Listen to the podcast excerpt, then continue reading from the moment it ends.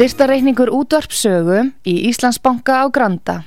Útubú 513, höfubók 26, reikningur 2.11.11.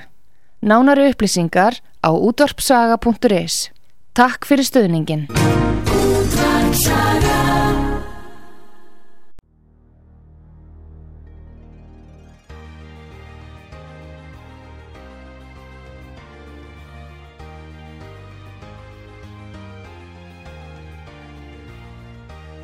Heimsmálinn í umsjón Pétur Gunnlaugssonar. Fréttir og fréttatengt efni af Erlendum Vettvangi.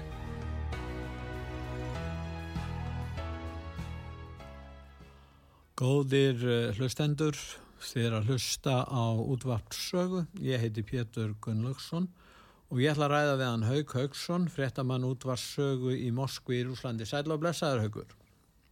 Já, sæl Pétur.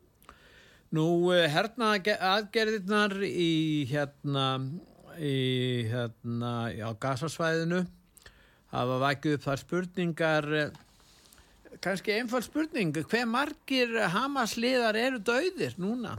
Hmm, eða hafa fallið ef það þannig af hálfu Ísraelstjórnar? Því það er markmiðið með innrásinni eða inn á svæðið er að útrýma Hamas-liðum. Vitum við um það? Hvað segir um það? Nei, já, við vitum um það, afsakið, við vitum að það er um það byrjum 15.000, 14.000, 15.000 fallin núna á, núna þegar í dagur, 38. dagur átakana. Já, það er, það bæði, það er bæði Ísrael og, og hvað 12-13.000 palestínumenn, eitthvað þú leist. Já, akkurat, og það er þá 10%, 10 eru Ísraelsmenna um 1500 og svo 15.000 palestínumenn. Já. Þar eru lang, langmestir hlutin 75%, þrýr fjórðu konur, börn og eldri borgarar, gammalmenni sem hafa fallið í þessum átökum. Já. Og vissulega hafa náttúrulega bara að þínni spurningu Pétur að þá hafa Hamas fóristan og þeir sem að stjórna og stjórnu þessari blóðu aðgerð þarna lögatæðin 7. oktober. Þeir hafa vafalist eins og gengur í stríðum betri neðanjara byrgi og, og bunkera eða bankera og, og þess aftar og geta falið sér vantmun betur. Já, sumir, sumir er í Katar og lifa þar í vellistingum, en mér sagt. Hamasliða. Já, já, var alveg þeir hafa oft uh, nóga peningum og dollurum og evrum og í vössunum og, og svo þegar þessum fljúa þá fara þeir í Armani og Hugo Boss og ítalska skóur krokodillaskinni og já. lifa betur, flottara. Já, þeir vilja, já, já. En sko er raunat, nú er það þannig að forsendan fyrir því að, að stiðja hérna Ísrael er þessi. Ísrael mun útrýma Hamasliðum og þegar að sigur verður að þessu leiti er farið með sigur af holmi í þessum átökum við Hamas þá kemst á fríður og þá fer alltaf þrývast að nýju og, og blómleg framtíð í framtíðin á þess að þeir hafi lagt nokkra áætlun fram um framtíðar skipan mála á svæðinu. Já, já Þetta er bara mjög náttúrulega utopíst hjá uh, Bibi, Benjamin Netanyahu og líkutbandalæðinu og hans flokki sem að stjórnar og, og hans varnamálur á þeirra og varnamálar lánindi og haugarnir í Ísrael segir að þeir segja að það ætla að gera og hugsanlega geta gert það sama norður í Beirut. Það sem þeir eru núna Já. að gera í Gaza en það er náttúrulega út af því að að Hezbollah er, sagt, er líbanskur, síta, stuttur af írönum flokkur, þeir eru með talsvert miklar árásir inn á norður Ísrael. Og það er ekkert sem að e, bendi til þess að fríðar viðræður sé í kortónum eða spilunum og, og menn ætli sér að gera eitthvað og, og þetta ótrúlega morð á öðrum ens fjölda núna á tæpum 40 dögum er náttúrulega með ólíkjendum á þessum síðustu og bestu og vestu tímum okkar mannkins. En, en það er ekkert sem bendir til þess og, og pressan á einhverja viðræður er frá Moskvu, Arabaheiminum, Muslimaheiminum. Þeir hafa verið að funda Muslimalöndin sem eru bæði Arababandalagið með 22 ríkjum og svo Muslimaheimurinn sem er allt öll Miðasíja, Indonésia, fleiri fleiri lönd uh, þar tengt. Tyrkindi náttúrulega eru þar í, þeir eru ekki Arabar. Nei. En, en pressan er ekki frá Vesturlundum, Pétur. Hún er ekki frá London, Washington eða Brussel. Nei, sko, en, en það er ekkit óeðlilegt út af fyrir sig þó Ísraelstjórn séu með þessar óraunhæfu áætlun um það að þeir geti útrýmt Hamas og, og samfær síðan vopnabræðu sínar í, í, í Washington um það að, að þeir myndu ná þessum árangri. Eh, það er hins vegar vekur meiri hérna, vekur fleiri spurningar, akkur bandarískir stjórnmálamenn skuli fallast á þetta og ekki kannski bara bandarískir sem eru út í nánum tengslum í Ísrael heldur evróski stjórnmálamenn og það er á meðal uh, já, Íslensk stjórnvöld virðist vera trúa því að þetta sé ykkur raunhafur möguleiki vegna þess að það er nú 1,7 miljardur múslima í heiminum og uh, það þarf nú ekki hátt prósentu hlutveld að því að aðhyllast gas að, hérna, hérna Hamasliða til þess að fjölgun verði í þeim hóp? Það er náttúrulega ljóst að þetta er sem er að gerast núna í heiminum, núna er það, það er að þjappa muslimum saman Já. í mjög sterka blokk sem er algjörlega anti-vestræn, anti-Bryssel, anti-London og Washington og, og það eru fjöldagöngur í uh, bara flestum borgum uh, heimsins, allt frá Suður Ameríku til uh, Asíuríkja þar sem eru brendir fánar bandaríkjana Ísraels Stóra Breitlands og Öðrubursambansins og hátt á lofti er þarna hvít, rauð, græn, svarti fáni palestínumanna. Og þetta er nokkuð sem að mun þá væfalist aukast vegna þess að menn er ekkert að reyna að stoppa þessi morð á með ólíkjendum fjölda á óbreyttum borgurum í, á gasasvæðinu og engin samstæða með það sem er að gerast. Og, og Erdogan og fleiri hafa talað á þessum fundum. Nú Erdogan sjálfur talar um trúabræðastríð, uh, hálmáninn gegn krossinum. Hann kalla Vesturlund krossfara nútímans og uh, þá er hann að reyna að sapna í kringum sig já, því sem hann kallar uh, niðurlægðum, kúuðum, fátækum þjóðum, tríðja heimsins og allt þetta. Þannig að það er nokkuð sem er, er að gera sig. Réttið. Þú ert að benda á það að Tyrkland sem er ekki Arabaland, Araparíki, er í NATO og Erdogan held ræðu núnum daginn, ég held að miljón manns hafi hlustað á ræðuna allir tyrkir stiðjana meira, meira að minna leiti hafa nú kosin núna þessu árin en hinn er jáfnvel stjórnaranstæðingar hans, þeir stiðjan í þessu langflestir og hann lýsir því yfir að Hamas sé ekki hriðiverkasamtök, heldur frelsisreifing þannig að í raun og veri staða Hamas að batna á þessu svæði og, og hérna þannig að við erum að sjá verulega breytingar í Tyrklandi. Og þess að Tyrkland er með 900.000 manna hér með öflugan hér, næst öflugasti hér innan allarsvarsbandalagsins og þeir verðast færðin að taka bara mjög herska og að stefnu upp gagvart Ísræl þeir nú flyttaði stjórnmálasamband millir þeirra og, við, og, og, og þannig að, að að, að þetta eru raun og veru breytingarna sem hafa átt sér stað síðustu daga. Það er þessi viðhórsbreyting Tyrkja. Alla Tyrkir að senda inn hér til uh, Ísrael gætu við hort upp á það? Hva, hvað þýðir það? Það náttúrulega væri alveg gríðarlega mikil breyting á þessu og, og eins og þú bendir ápétur að það voru þeir meðlumir í NATO stóru mikil og vaksandi þjóð með gríðarlega sterkar hér og næst þess sterkast og uppljóðast að hér allansvarsbandalagsins þannig að En það er alveg rétt líka að, að allir í Tyrklandi pólitísku öll, það er ekki neitt einasti maður sem sagt eða flokkur sem að lýsir yfir uh, pró-ísraelskum eða pró-bandarískum eða sagt, með bandarískum eða vestrænum skulum hagsmunum og Erdogan er vissulega þó að hann hafi rétt unnið þarna kostningarnar gegn Khalid Storoglu núna ja. í sumari sem að þessu ári akkurat ja.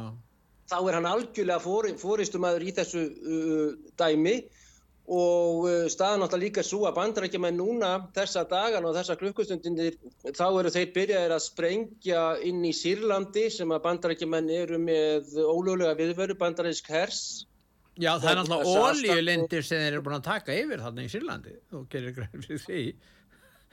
Heilu borgirnar sem að þeir eru að bombardera bandarækski US Air Force já, já, í Sýrlandi já, sem þeir kalla pró-íranska liðsmenn sem þeir ætla, ætla sér að koma mm. já millir bóls og höfuð sá og, og Tyrklandsfaktorinn, minna það er bara rétt að Líbanun er þarna milli sem er lítið og, og sætland eh, er á milli hérna Ísraels og Tyrklands. Þannig það er stutt að fara og, og ef að þessi muslima alltaf rýs mjög mun hærra þá er ekkit sem að myndi kannski geta komið vekk fyrir það að, að með löglegum hætti innan gæsalappa frá Ankara, höfuborg Tyrklands, verði ákveðið að Erdogan og fleiri félagar hans að þeir sendi sagt uh, hernaðarafstóð og uh, það getur vel verið að gráulvar og svona önnur mjög hörð þjóðverðni samtök séu þegar á komnum á staðunum sem túristar eða sjálfbóðaliðar eða eitthvað slíkt Þannig að það, það er mjög eldfims út tunna, alveg, alveg klálega. En þú tóst, eh, ég minna, Íslamska bræðralægið,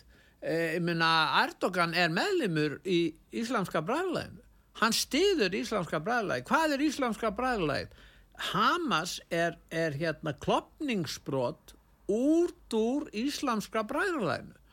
Og núna, þú myndist á Líbanon, 1982, þá réðust 90.000 hermenn frá Ísrael vopnaðir besta vopnabúnaði þess tíma og með þess að rússins rússættum voru stegin hissa á því hvað væri fullkomi vopnin og uh, þeir lögðu náttúrulega Líbanon í rúst. Og þeir ætla að útrýma þar fólki að hriðjuverkamannum selina PLO hefðaðir heitið þjáttaga en niðurstaf var svo að til voru samtökin Hisbóla Núna ætla er að útrýma Hamas og Hamas hefur aldrei fengið meiri stuðning, er að fá stuðning frá Arabalöndunum, frá Tyrklandi, frá hérna, frá meiri segja frá Salman Prins í Sáti-Arabíu og, og, og auðvitað frá Íra, Íramin Ísi fórsetta Írans.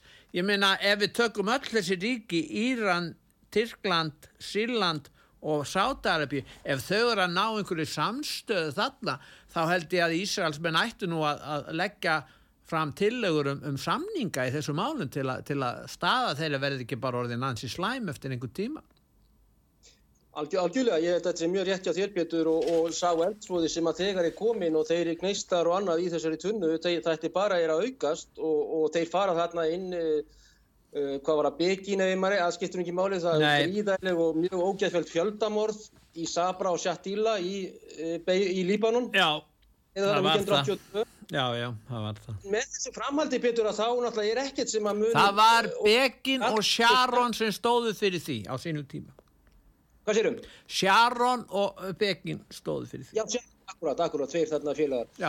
að þá er ekkert sem að bendir til þess að það muni róast nokkuð ástandið og um, það var nú langt og erfitt borgarastríð í Beirut og í Líbanon, allur, allur, öllu Líbanon og tókust þarna margar ströymar og stefnur í kristnir og hægri og vinstri og arabar og sítar og sunnitar oh. og, og alabitarnir og hérna uh, Valit Djumblat var hérna leitt og ég hvað hétt það nú aftur, allavega Og, og það var ekkert sem að bætti það ástand eftir að þeir kumpanar fara þarna inn í Líbanon 82 og, og logaði lengi í þeim glæðum og glóðum og er ennþá mjög stutt í, í hérna bræðravíin þarna á milli. Þannig að það kannski sem er skelvilegast í þessu er það að uh, Joe Biden, nú að sjálfsög hans utalíkistráð þeirra sem er kannski meira og betur inn í málum og meira... Það er hann ekki til, bara að stjórna þessu, Anthony Blinken, er það ekki bara líklegast? Já, Blinken sé ekkert að reyna að stilla til fríðars. Pétur, það er mjög alvarleg staða held ég í málinu og engin tótneitt á veruna frá Blinken sem náttúrulega er aðal sponsor Ísælsíkis, ekki síst sem mikill síunisti og, og allt þetta. Já, en, en það er annað í þessu sko, sko, nú er það þannig að Vesturland stiðja Ísæl svona megin stefnu til, þó að almenningur sé með mótmæli að segja hluti almennings. E, þannig að, að uh, fjölmiðlar á Vesturlandum þeir styðja Ísrael raun og veru meira. Þeir eru að leggja áherslu á þetta eru óáreðanlegar tölur uh, það verður að legg, líta á það að, að Hamas noti fólki sem, sem sko tæki og aðferð til þess að fela uh, hérna hernaðaragerði sínar og, og er alveg sama um aftrið þessa fólk þetta er svona ríkjandi skoðun hjá og ég býst við því að ef ég myndi spyrja hérna á Íslandi til dæmis, ég gerir aðfyrir að, að mjög stór hópur sér hann og hlindur Ísrael. En þá er búið að stilla þessu upp þannig að ef þú ert að gaggrýna Ísrael fyrir þessar aðgerðir sem er ekki bara sko gegn mannúðarlögum heldur líka bara óskinsamlega fyrir þá sjálfa þess vegna að ef menn gera það þá er þeir sakaður með um að vera antisemitistar og manni finnst þetta náttúrulega að vera svolítið sérkynni staða sem er komin upp. Hvað segir þú það? Jú, jú, þetta er alveg rétt hjá þér og í uh, öryggisráðu saminuð þjóðuna þá setti Eli Cohen, auðvöryggisráðra Ísæls og all hans sendinemnd og tólkarnir sem að sitja hérna fyrir aftan hérna í New York sett upp geðingastjórnurnar eða þessa gul þarna sem að rasistar byrjuð fyrir 85 árum að líma á fólk, sauma reyndar í. Og, og Það hefur mælst náttúrulega bara misjaflega fyrir og þá stendur, á þeim stendur á ennsku nefnir að geina aldrei aftur, þetta skal aldrei endur taka sig. Já. En þeir ofinbeglega góin og þeir að þeir ásaka þá sem að eru að leggjast á einhvern hátt og einhvern máta á móti þessum, þessum sprengjuregni, þessum tónnum að sprengjum og, og öðru yfir gasasvæðið, e, þá saka þeir þá um antisemitisma, þar að segja e, gýðinglega hegðun eða gýðinga hatur sem er náttúrulega talsvert svona einkynlegt og ég spurði nú Marju Sakarovu sem er um, talsmann Lavrovs og hún uh, útlýstaði þessa aðgerð Ísraelsku sendiðaremdarinnar, hún hefur sjálf unnið mikið í New York reyndar, sem algjör að hræstni og, og þetta er náttúrulega svolítið ódýrt triks og lélegt triks að þá uh, já, í rauninni eru þeir að segja þá að hínir sem er á móti Ísraels eða þeir sem er á móti Ísrael og, og, og gaggrínir þá séu einhverju svona nazistar eða viljið uh, þurka út gýðingar. Já, einhvers konar, það getur verið alls konar tegundir af antisemitisma, skiluru, þannig að, að það er verið að halda þessu fram og, og, og þetta, þessi áróður hann býtur. Það, ég, ég horfi ekki opningi stöð þar sem er ekki verið að ræða með einhvern sérfræðing á svið, þessu sviði um það vaksandi gýðingahattur, hann er að tala um það á Íslandi. Ég verð hverki var við gýðingahattur á Íslandi, en það er enga síðu verið að tala meira og minna um það. Já, en ég meina hvers vegna er þetta? Þetta er út af þessum uh, fjöldamorðum á, á óbreytum borgurum. En það er eitt sem að, fyrir ekki að þú myndist á á Rúslandi, sko, þegar Sovjetrikin voru á sínum tíma, þá voru, hafðu þeir bara nokkuð gott samband við Ísrael. Og, og síðan eftir að Sovjeti fjall þá hafa, hefur bara ástandi verið gott á milli Rúslands og Ísrael og valla þetta saka rússan um antisemitisma en núna er þetta ekki lengur. Núna er, er, er ekki lengur nú, nú er búið að slíta þessu sambandi sem hefur staðið lengi yfir og e, þá er spurningin eh, hérna, þá dugar ekki þessi aðferðafræð að kalla rúsana antisemitista eða annars líkt því að þetta er náttúrulega skiptir verulegu máli í þessari deilu að rúsandum því að það er svo margir geðingar í Ísrael sem komu frá Rúslandi Já, já það er uppbýstaðan í hér og íþróttum og listum og menningu og vísindum eru er sovjetgiðingarnir sem eru þarna mjög víða og, og áhrifamerklir og sterkir og útvarstöðvar og sjónvarstöðvar. Já, þeir eru uppbýstaðan í hernumarkir hverju, þeir eru þarna her, herfóringar og, og hermið þarna. Þeir, já, Mossad og, og Natív. Já, En það er... Þetta er svona ákveðið skálkarskjól sem að menn er að fylgja sig á bakvið og þetta triks gengur vel í suma en sumi náttúrulega hafa frekar svona með svona við megum drepa því við vorum drepin í þessum aðgjörðum uh, Þýskraðs uh, þjóðurnis specialista þá megum við finna til hjá okkur. Þetta er svolítið svona ódýrt triks en, en gengur eflaust í marga og kannski í þessa mainstreamspressu sem að reyndar uh, Springer uh, hérna þeir þarna sem hafa ráðiðinni og áttana uh, Murdoch, Springer í Vestur Þýskaland og Þýskalandi núna hafa verið og eru mjög sterkir gýðingar sem að hafa ráðið þessari main, mainstream eða mainstreams pressu á Vesturlöndum og þá er hægt að nefna kannski CNN og, og bandarísku stöðvarnar. En þetta er nokkuð sem að þeir já, reyna á, eflaust með góður árangri og þeir hafa alltaf mjög góða sálfræðinga og áróðismistara Ísraelsmenn.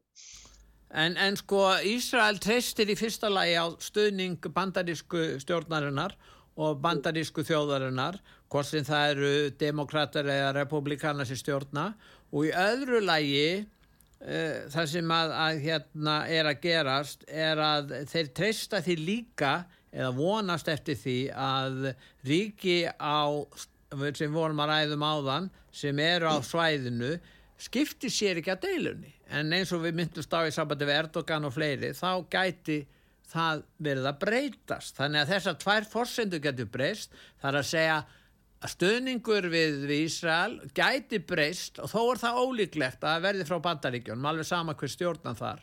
En það er spurningin um það hvort að þeir ná í samstöðu gegn Ísrael eh, þar að segja ríkin á svæðinu. En, en, en þá er spurningin hvað mun gerast þá? Munu þá bandaríkja menn, þú vorst að minnast á afskipti þeirra í Sýrlandi, hafa senda þarna ráðgjafa, jafnvel hersveitir og þá fari átökin vaksandi. Hvað segir um það? Ég held að það sé bara það sem er núna í spilunum og sviðsmyndirnar eins og ég tíska að segja hjá fræðingum og jálfræðingum og politískum fræðingum líka, hún er bara mjög negatív, hún er bara mjög neikvæð svo sviðsmynd sem við erum að horfa upp á núna. Og auðvitað það sem að til dæmis Lavrov, auðvitaðriksláður af Rúslands og Arabalituatnir og allir þeir segja, það er tveggjaríkja lausnin. Það er hún sem að þarf að eiga sér stað og menn þurfa að byrja að fara eftir henni í menn til að það er búin að tala um hann í aldar fjörðung hafur ekkert gerst ekkert gerst, það er málið. Og það hefur enginn haft áhuga á því að láta hana verða að veruleika. Þar að segja að Palestina verði eitt ríki og Ísrael verði eitt ríki með eh, samvinnu, þeir hafa náttúrulega sekkelinn sem er Ísraelski gjaldmiðlinn uh, í Palestinumenn, þeir nota sekkelinn Já, og, og fleira en það hefur ekki neitt verið gert til þess að reyna að koma þessari tveggja ríkja lausn á sem að er uh, já, Camp David, Oslo, Ísland uh, viðurkennir ásand Svíþjóða á Norðurlandaríkjunum uh, viðurkennir Palestínuríkið líka. já, Við höfum það. lítið geta gert í þessum uh, aðgerðum þegar að íslenski fulltrúin hjá saminu þjóðunum horfur út í sal og hvernig bandaræski liftir upp hendinni þá gerir hann það sama 5 sekundum síðar svona í 95% tilvika getur við sagt spurningin alltaf er með þetta núna og, og utaríki stefnu ríkistjórnar VFG sem er þar í forsitu með, með reyndar með sjálfstæðisblokkin í utaríkisráðnitinu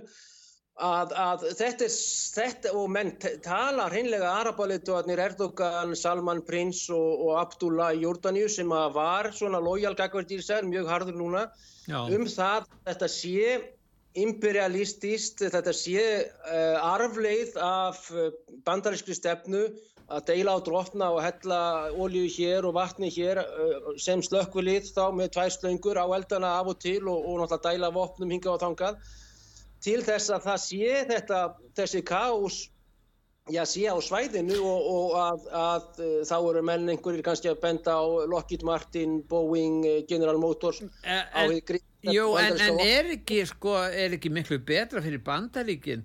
Sko, þeir græða þeir á þessu samstarfi við Ísrael. Ég meina með að við fá öll þessi lönd þarna á svæðinu upp á móti sér. Ég meina manni finnst það nú mjög skrítin stefna. Auðvitað eru vináttuböndin á milli bandaríkjan og Ísrael mjög, mjög traust og sterk. Það er ljóst. Og, og hérna, en, en hvort að það þjóni hagsmunum endilega bandarískra kjósenda og skattgreðenda, ég veit það ekki, er það nokkuð ljóst? Nei, ég held betur að, að vörubilstjóri í Texas eða bóndi í Ohio eða uh, maður í Fordvesmiðunum hérna upp í riðbeltinu og verkamenn og bændur Já. og bandarískur almenningur er ekki þessa, með þessa gríðalega pró-ísraelsku stefnu sem að bara Ísraels meiga, Ísraelsmenn meiga að gera allt, þeir fá að gera allt, þeir skulu fá eins mikla peninga og þeir vilja. Þannig ef þetta myndi fara fyrir kostningar sem kostningamál sem að verður vafalust ekki í bandarískum stjórnmálum Já, að þá hefur það fólk sem að já, bara vill ákveðna einangrunarstefnu innan bandarækina ekki geta uh, ráði neyður, neinu um slíkt og það verður aldrei kostningamál hversu mikla og sterka þetta gyðingaloppi í bandarækjum stjórnmálum mun geta styrt Ísrael fram í rauðan dauða og ekki síst hvað þeir geta komist upp með það að drepa marga í þessum hernaðaraðgerðum sínum eða hreinsunaraðgerðum sem að þeir kalla sjálfsögðu gegn Hamas liðunum. Þar mun kalla mikið af fólki líka. Þannig að bandaræk stjórnmál eru náttúrulega mjög já, tengd Ísrael og sem er náttúrulega já, ekki endilega vandamál í bandaræskri pólitík en sem er bara staðrind og, og þeir hafa grætt á því að hafa, þessi, hafa þetta óbreytta ástand, hafa góð tengst við Egiptaland, Jórdaníu. Tyrkina í norðri. Gott þú minnist á það, vegna þess að bæði Jordania og Egiptaland hafa fordæmt uh, sko, og þeir eru í raun og veru í samningsbundnu uh, sambandi við, við Ísrael. Úkræna verður að uppfylla ákveðin skilir í þess að samning nei, segi hérna Jordania segi þannig að, að það eru að verið tengst, þau eru að slitna þessi, þessi tengst, þeir hafa slitið stjórnmálasambandi við Ísrael, Jordani og síðast í vissi. Já, það eru fleiri ríki, það er, ég meina, Síle hefur aldrei verið neitt svona sosialistist eða eitthvað vinstri land, já, þeir fengur nú hann einhvern nýjan fóringa, eða ekki? Kolumbia, Tyrkland, Bólvía... Jú, jú, Bólvía, var það ekki Bólvía? og þessi lönd sem að hafa hreinlega bara ekki senda herran heim eða hreinlegast og hérna Bólivía uh, sem er með sósélista já núna þeir hafa bara hreinlega slítið stjórn, stjórnmála tengslum en það eru fleiri fleiri lönd sem að hafa og Tyrkirnir eins og þú sagðir á þann hreinlega ekki sendi herra Ísraels heim og svo náttúrulega pluss Araparíkin Indonési á anná þeir að sprengja þarna indonesiska hérna, hospital sem sagt uh, sjúkrahúsið sem er stort og mikið eru þeir að sprengja niður í, niður í frumindir sínar Ísraels menn sem sagt núna. Þannig að, þannig að, að, að diplomatíst uh, er Ísrael að klárlega mínum að einangrast og með sínum bestu vinum sem er náttúrulega fólkið í Berlín Annarlega Berbok, hún hefur ekki vogað sér að gaggrina, fólkið í Brussel Sjórns Barell, einhver smá tótni í honum en Úrsula von der Leyen er mjög á bandi Ísraelsmanna og segir Já. að þeir megi og er verði og þurfi að geta gert það sem vilji Já. og, svo náttúrulega London og svo Washington en Já. allar hinnaborginnar já, um heimsbyggð alla að þær eru mjög skeftískar á þessar aðgerri Ísraelsmanna og hreinlega fjandsamlegar Ísraels ríki lönd sem að með miklum og erfiðum diplomatískum uh, uh, æfingum, þá komi bandarækjumenn vel í þá, inn í þá mynd að uh, auka og byrja þá hreinlega bara pólitísk og diplomatísk teinsla millir Jórdan í Ögiftalands og fleiri við Ísraelsíki þetta er nokkuð sem er núna er að fara í súgin Já en bandaríkjaman hafi ekki bara haft góð samskipti við Egiptaland þeir, þeir hafa nú haft kífulega áhrif þar og Jordani heldur líka bara einn eh, Sáti-Arabíu að sjálfsögðu saminuðu fyrstadæmin þeir, þeir Katar kannski að svumuleiti já líka. Þannig að þeir eru með þarna geysila mikil samskipti við Arabalöndin hann á svæðinu. Þannig að þeir eru að tefla í tvísinu samskiptu sínu við þá. Og það sem er merkileg sem gerðist um helgina var það samtök Araba og Múslimaríkja mættu í Sáti Arabíu og mættu þær í veislu hjá Salman Prins í Sáti Arabíu sem tóka móti hérna Íbramin Reisi Írans fósita og, og Assad Sílandsfósita og Erdogan ég meina þarna var þetta lið mætt á þessum fundi og það var bara samileg stefna um að fordæma Ísrael og taka saman um, ná saman um einhverja aðgerðir sem veit ekki hvort að verða. Hvað segir þú það? Já, já, þetta er alveg rétti á þér og það er mikil saga til næsta bæjar að þetta fólk gulir hreinlega að setjast saman niður á stólum í sama langborðið eða ringborðið reyndar í, hérna, í Al-Riyadh í höfuborg Sáti-Arabíu. Við erum að tala eins og þú segir um Salman Prins sem er gæstjafinn, Ibrahim Raisi sem sagt, í Íranin já. sem er náttúrulega sér og svo Bashar al-Assad og, og svo Erdogan. Þetta er fólk sem hefur bara fyrir nokkrum vikum þá hefur þeir ekki dottið í huga að setjast niður Nei. með sammeilja álstað já, gegn Ísæl og bandreikunum í þessu tilfelli og að koma síðan með þarna tillögur um það hreinlega bara að blokkera Ísrael hvað var þar aðfeng, orku og, og fleira sem er náttúrulega Bas, ég held að Bashar al-Assad minnir að hann hafi sagt það. Samtíktu er að banna að selja Ísraelsbönnum helstneiti, er það? Já, það var lagt til en það er bara ekki það mikil samhugur eða samstaða allavega ennþá sem að sakir standa í þessu, þessu, þessu mæli, máli en, en það getur vel hugsanlegt verið en þá náttúrulega munir bandar ekki menn fyrir að fara með byrðast inn í inn, ja, frákast Emirhafin eða einhvern löndum eða Fraklandsöðu Fraklandi með ólíuna inn, inn til Ísraels og vafalust er það samkvæmt allsjóðalögum og siglingalögum þannig að já, já. þeir mun ekki undir bætin alveg klálega þá munir þeir ekki segja bless við eh, Benjamin Netanyahu og núverandi stjórnvöld. Nei, en uh, Haugur, við skulum uh, fara í auðlýsingar núna og við förum þá yfir til Úkrænu núna eftir auðlýsingar hér og þar er svona margt hægt að greina frá því sem að er að gerast þar og kannski hefur ekki lítið verið fjallað um í ofinbella. Jújú. Nú eh, þið er að hlusta á útvarpssögu, ég heiti Pétur Gunnlaugsson og ég er að ræða við hann Haug Haugsson í Moskvu og eh, við ætlum að hlýða núna nokkur auðlisingar og eftir auðlisingabyrtingarnar þá höldum við umræðinni áfram.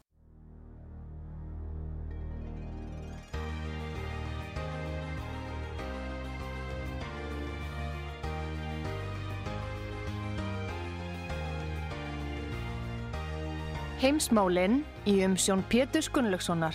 Fréttir og fréttatengt efni af Erlendum Vettvangi. Góðir eh, hlustendur, þið er að hlusta á útvart sögu. Ég heiti Pétur Gunnlaugsson og ég er ræðvann Haug Haugsson í Moskvi í Rúslandi. Nú Haugur, eh, Vesturlund hafi eiginlega gengið út frá þeirri forsendu að Úkræna myndi fara með sigur á výgvellinum og þess vegna ætti að styðja Úkrænu þegar því markmiði hafði verið náð náð. Uh, nú er það ekki að gerast. Hvað er að gerast, Haugur, í Úkrænu?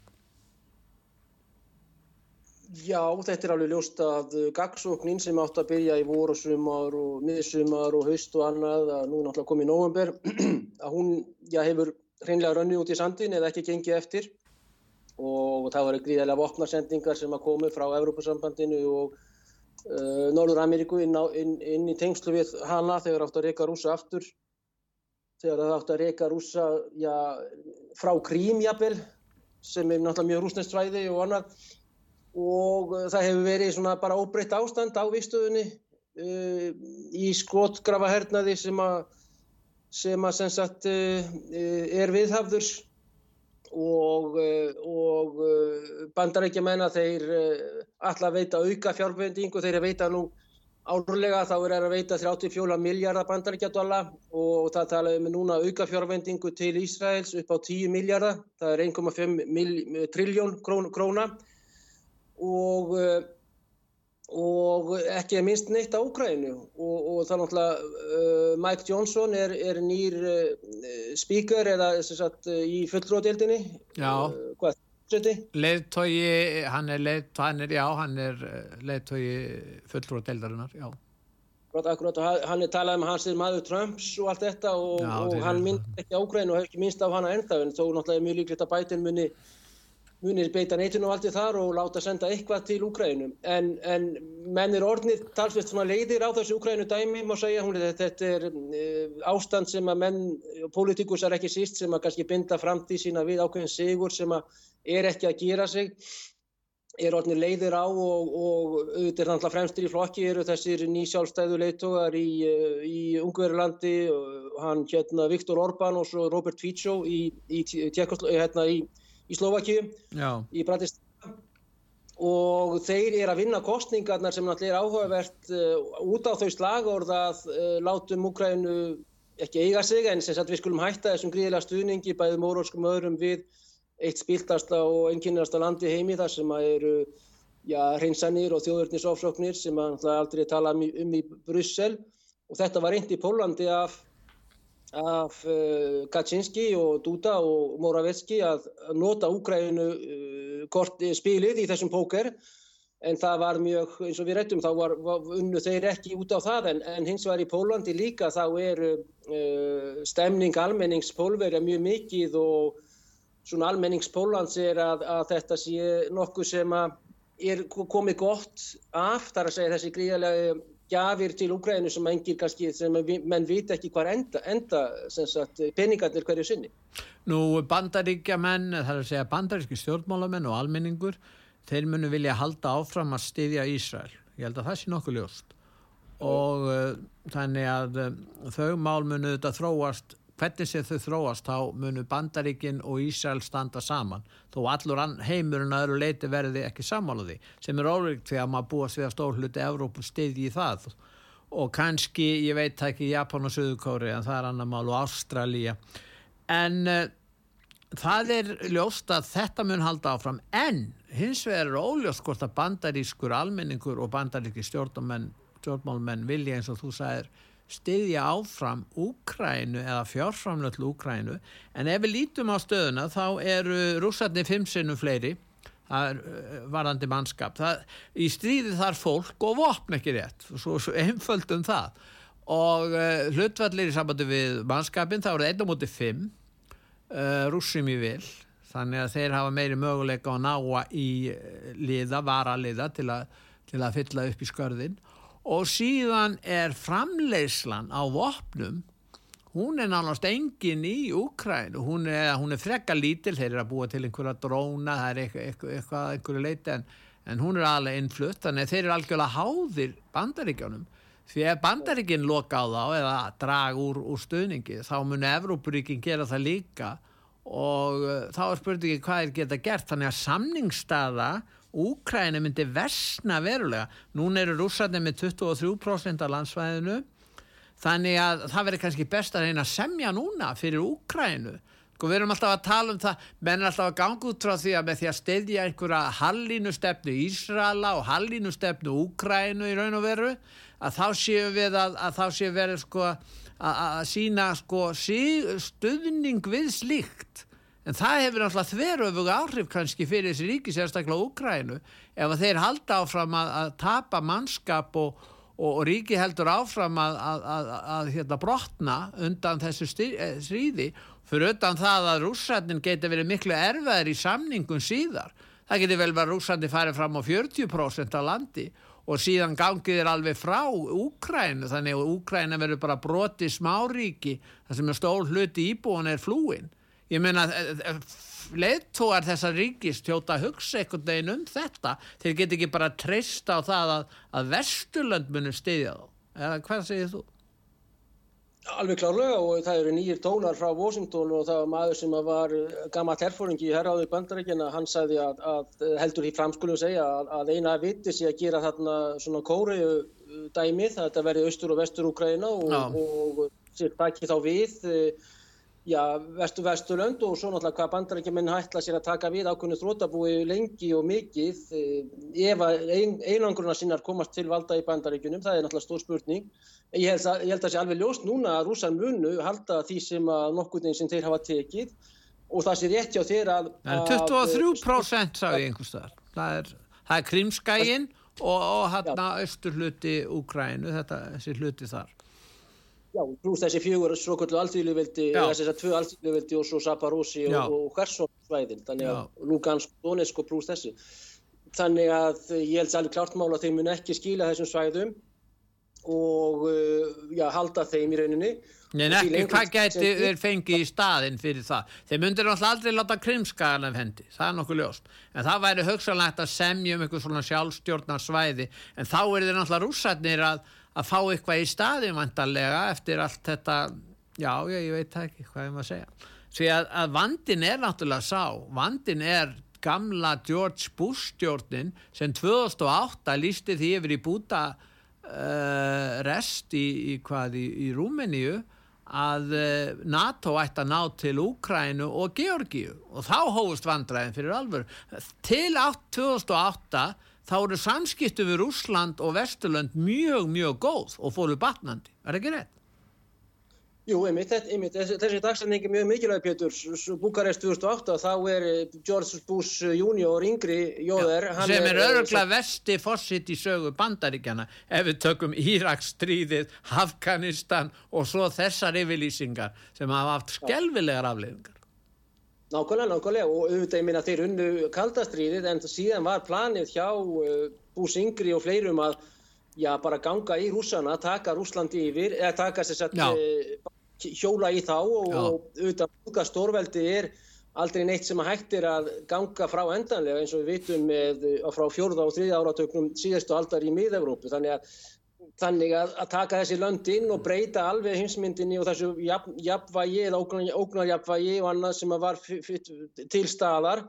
Og það að koma með kjarnorkuvopn inn á uh, þröskuld svefnherbyggja sem sjáu stórveldi er nokkuð sem að gata ekki gengið upp. En þetta var planið hreinlega hjá Bush og þeim og, og leiði tömust mönnunum í Európa-sambandinu þá sem að vantilega var bler Já, hann, hann, hann var mjög mikill stunningsmað George Bush Já, eins og Írak sannaði sig og fyrir það.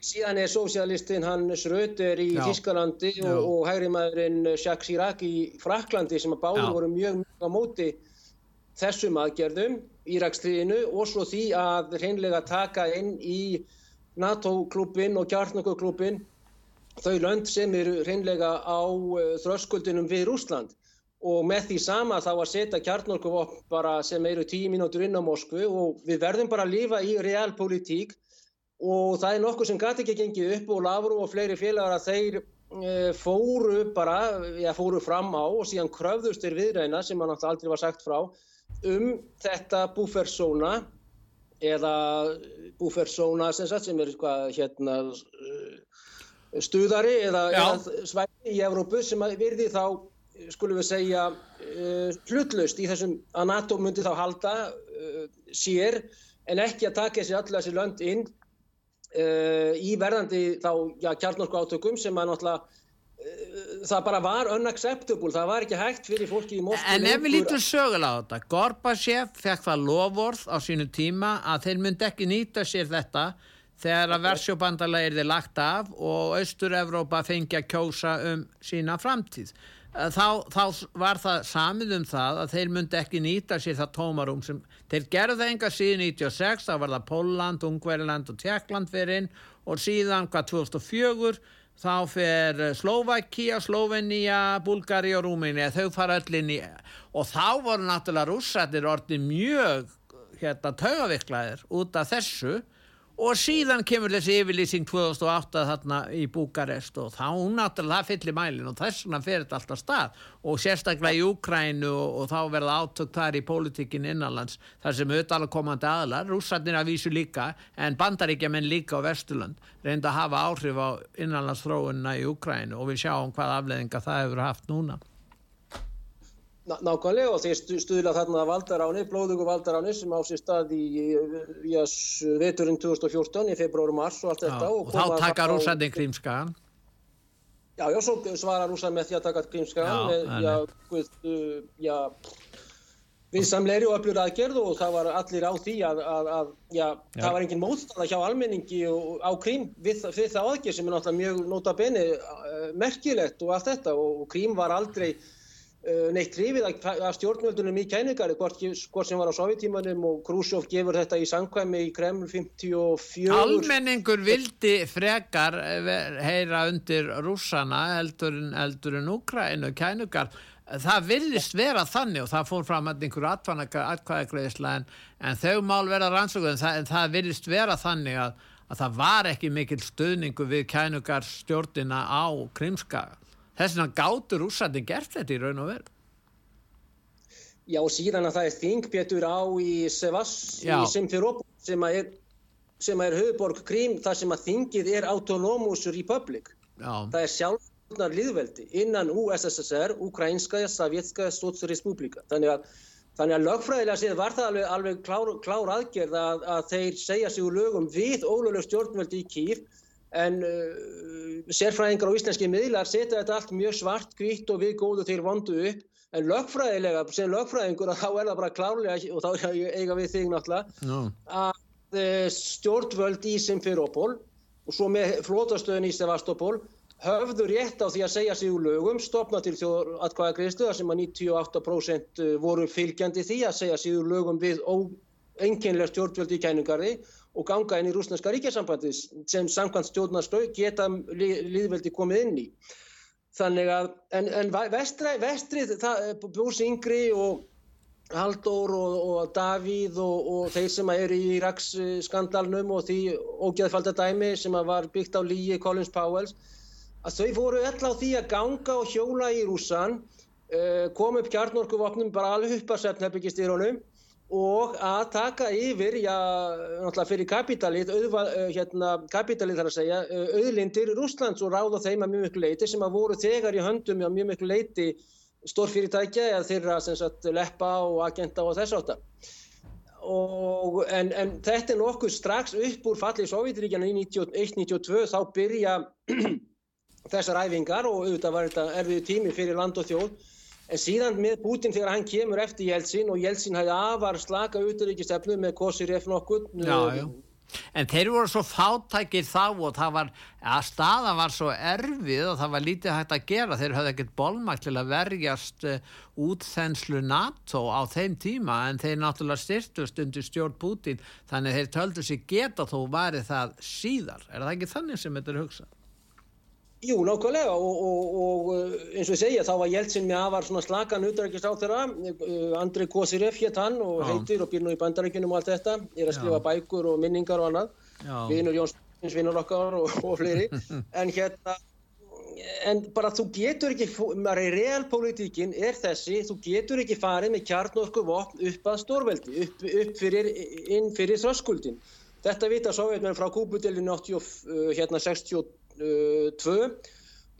þetta en ekki vestræðinni stjórnmálamenn, þeir verðast ekki skilja þetta. Því miður, því miður gerir það ekki nema þarna Jacques Chirac sem að var... Uh, já, Jacques Chirac, já, já. Og hann var með auðaríkisráð þeirra sem hafið skrifað reyndar um Napoleon Bonaparte, hann var nú svolítið glöggur sá.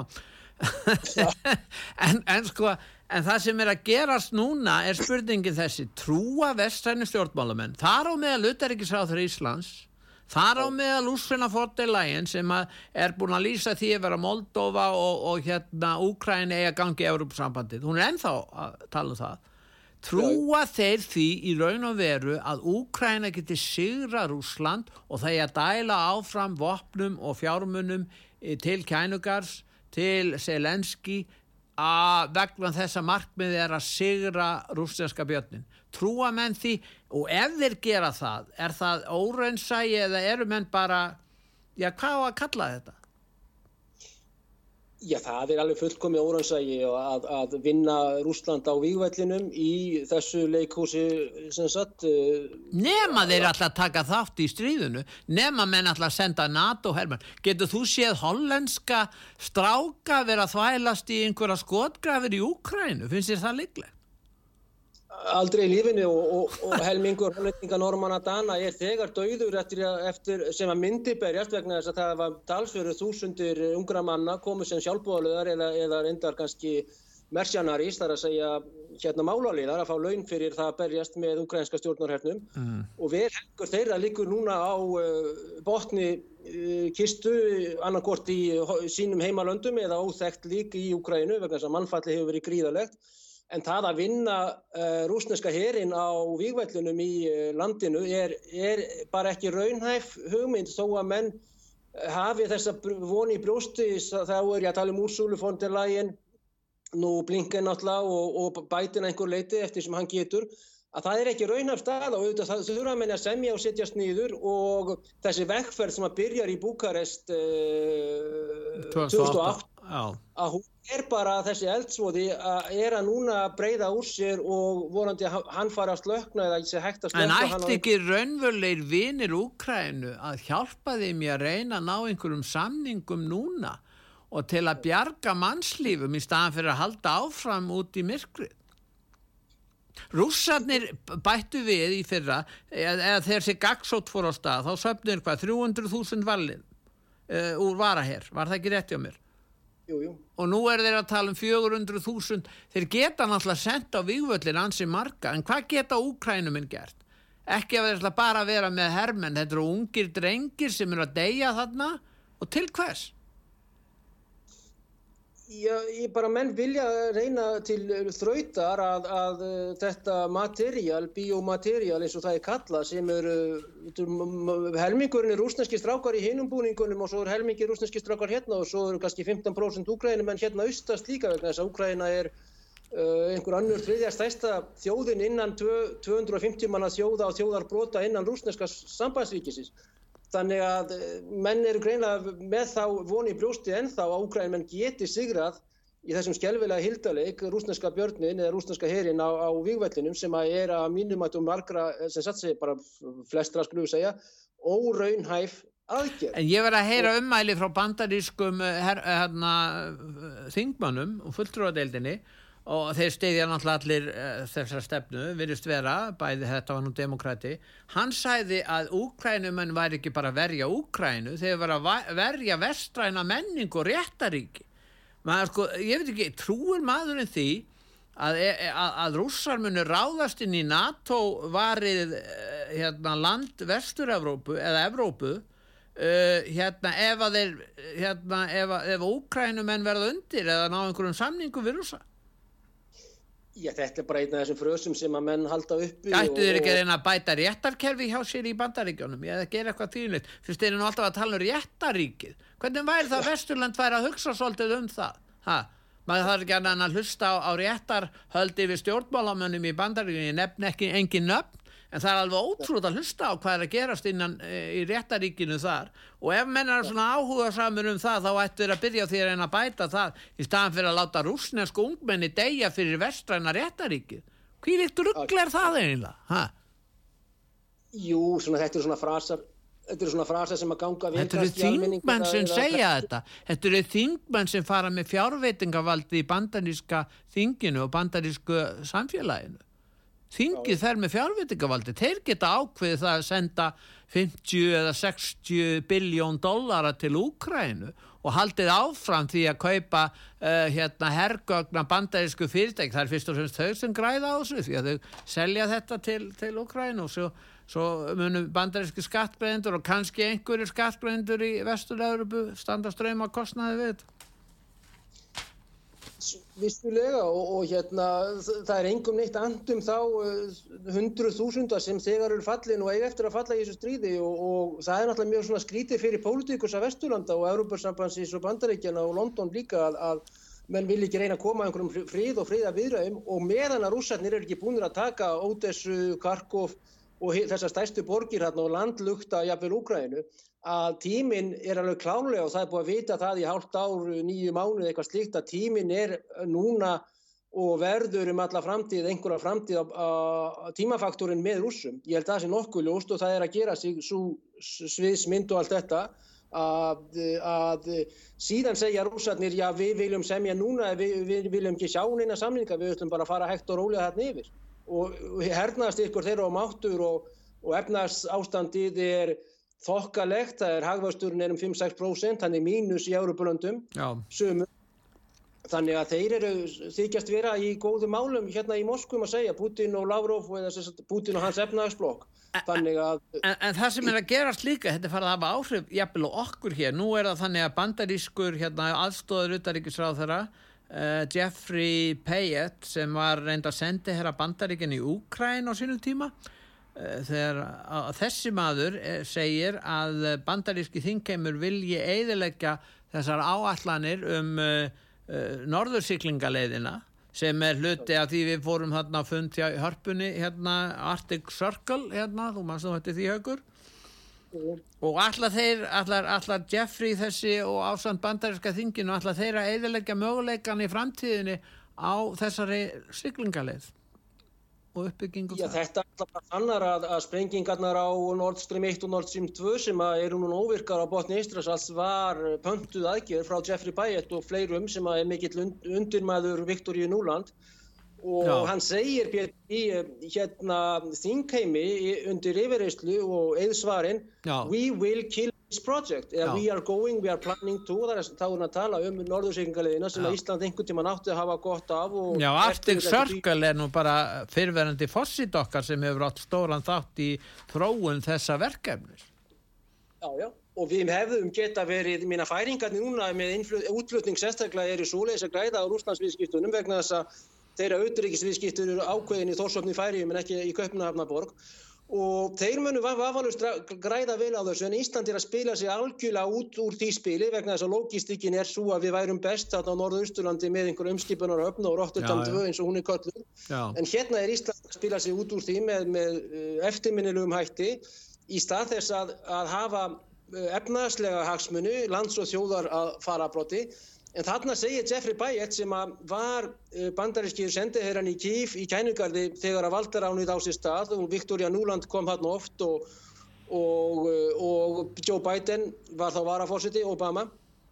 We are going to kill this project. Þá, þá er hann að meina það að bandaríkjumenn ætla í, með grófasta hætti ef að slíkt gerist að eh, setja einhverjar sprengjur inn á Múrmansk, Arkangelsk, Kvítahaf, eh, Bjarmalandssvæðið sem er þarna kallað eh, á forníslensku til þess að koma í vekk fyrir þennan gríðilega útlutning á kínverskum vörum, svo gas í fljótandi formi, LNG, liquid natural gas sem á rússarnir er að senda með skipum Uh, að þeir ætli sér og þetta segir maðurinn ekki á gangi eða kaffeistofu eða bara einhver staðar í Washington heldur hann segir þetta fyrir framann þingheim, bandarískan mm.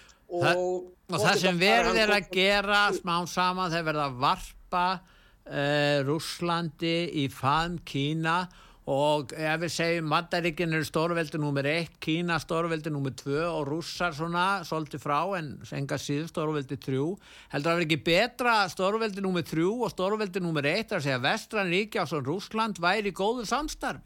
Akkur þurfum við að kasta rússuminn í fann kynverja hvers konar utar ekki stefna er það eiginlega? Og hvaða rugglut allar eru þetta? Bara til þess að fá Georgi og Úkrænu sem formlega meðlim í NATO ja, hvað finnst Já, bara heimskan og ofstækið er þetta og þarna ræður náttúrulega húsum uh, hann Jeffrey Byatt og ekki síst Victoria Nuland, mikill síðunisti ásamt sem er náttúrulega undir honum uh, hérna Antoni Blinken og, og það er atur þarna gegn bara slöfum og rúsum og þeir skulu drepa hvern annan eins mikið og hægtir og þetta kallast kannski þjóðurnis einsun hjá ákveðnum mjög, já, fanatískum öflum sem að stefna eða stemdu í fortíð á heims yfir átt, dollarans, eigin stefnu ákveðin svona neoimperialismi sem að þetta lyktar af í stað þess að geta rætt málinn og, og svo verið að útloka allar sem Ég meina að þeir sem vildu gengi dollars, þeir eru farið miklu skynnsamara leiðir. Þessi upp sem er að stjórna bandaríkjum, þeir eru að skada Vesturland og bandaríkjum, skada stöðu dollarans. Þannig að, að þeir eru ekki að skila neinu nema bara neikværi, þeir eru bara að skila sterkari stöðu fyrir kynverja. Það er eina sem þeir gera í raun og veru. Jújú. Jú. Þetta er mjög vel aðtúað og þetta, ég, hvort að fólk er ekkert fara að opna augun í Brussel og annars þar yfir nei, þessu, þessari stöðu, í þessari geopolítík eða þessari landafræði valdi öllu og auðvitað að kynverja sem að styrkjast fyrst og fremst og rúfnir eru ágættisleið eins og ég sagði með hagvöstun sem er 5-6%, hann er mínus erum, í Hollandslandi og fleiri löndum. Við erum við komið fram í tíman en hvað heldur að gerist svona stutt núna haugur að lokum? Hva, hvað gerist á næstunni? Verður þetta bara staðnað ástand á vývellinum í kuldanum í vetur í, í östur hluta Úkræn Já, já, en af svona eldfallafréttum að þá er etna á Sikileipur að kjósa núna þannig að jörðin er ekki dróleg núna og spurning með Grindavík og Faradalsfjall og, og Stórlbjörnin Já En hérna, ég held að þetta sé talsvert betur tengt kostningum í bandrækjunum eftir eh, tæft ár, 7. november 2024 Já og að Evrópa geti ekki haldið uppi uh, veikri í mörgum skilningi ríkistjórn uh, í Kíf bæði andlega og andar, uh, í spiltasta ríki Evrópu mm. Rússar við er að styrkja sig með tímanum og þessi aðgerð þeirra ógeðfæld, allt þetta og auðvitað allar innráðsins slæmar að hún virist verið að ganga upp, já því miður fyrir marga náttúrulega á Vesturlöndum ekki síst hjá rúsum rúsar munu auka sitt svæði og ætla sér ekki að skila því sem að nú er komið undir þeirra stjórn. Og skærur náttúrulega halda áfram og morð á, á hinn og þessu fólki og annað en, en hérna, ég er nú reyndar á leiðinni hérna nýrtir en, en, en hérna, en það, það verður bara komið ljós en það er nokkuð sem að, að Selenski eh, honum verður kannski fórnað fyrir einhver, í einhverju valdaskiptum, það er óánæg með hann talsverð hjá öðrum stjórnum. En það verður, hann er búin að lýsa yfir að verða engar kostningar það átt að fara frá kostingar núna allavega fjölmiðlar sem er búið að loka stórar og miklar útvarstöður og blöð og það, það er ríkis uh, rítskoðun á öllum miðlum í Úkræninu kirkjan, rúsneska réttrúnakirkjan er bönnuð, það er nýðst á Já, hvernig stendur á því að þið ráðast á, réttrúnakirkjuna? Hvað hva, hva kemur það til? Þetta er bara, ég meina, Selenski sagði um daginn uh, Úkræna búti vil ekki Ísraeljum það er að segja, uh, Úkræna verður stór Ísrael Já, já, þannig að það, já, já, já, heyrðu, við förum nú ekki það, við förum nú ekki að ræða það núna, þakka ég fyrir haugur og hérna, þakka ég fyrir viðtalið, haugur. Já, takk Pétur, bless, bless. Bless, bless. Og ég þakka hlustandum útvar sögu fyrir að hlusta, verðið sæl.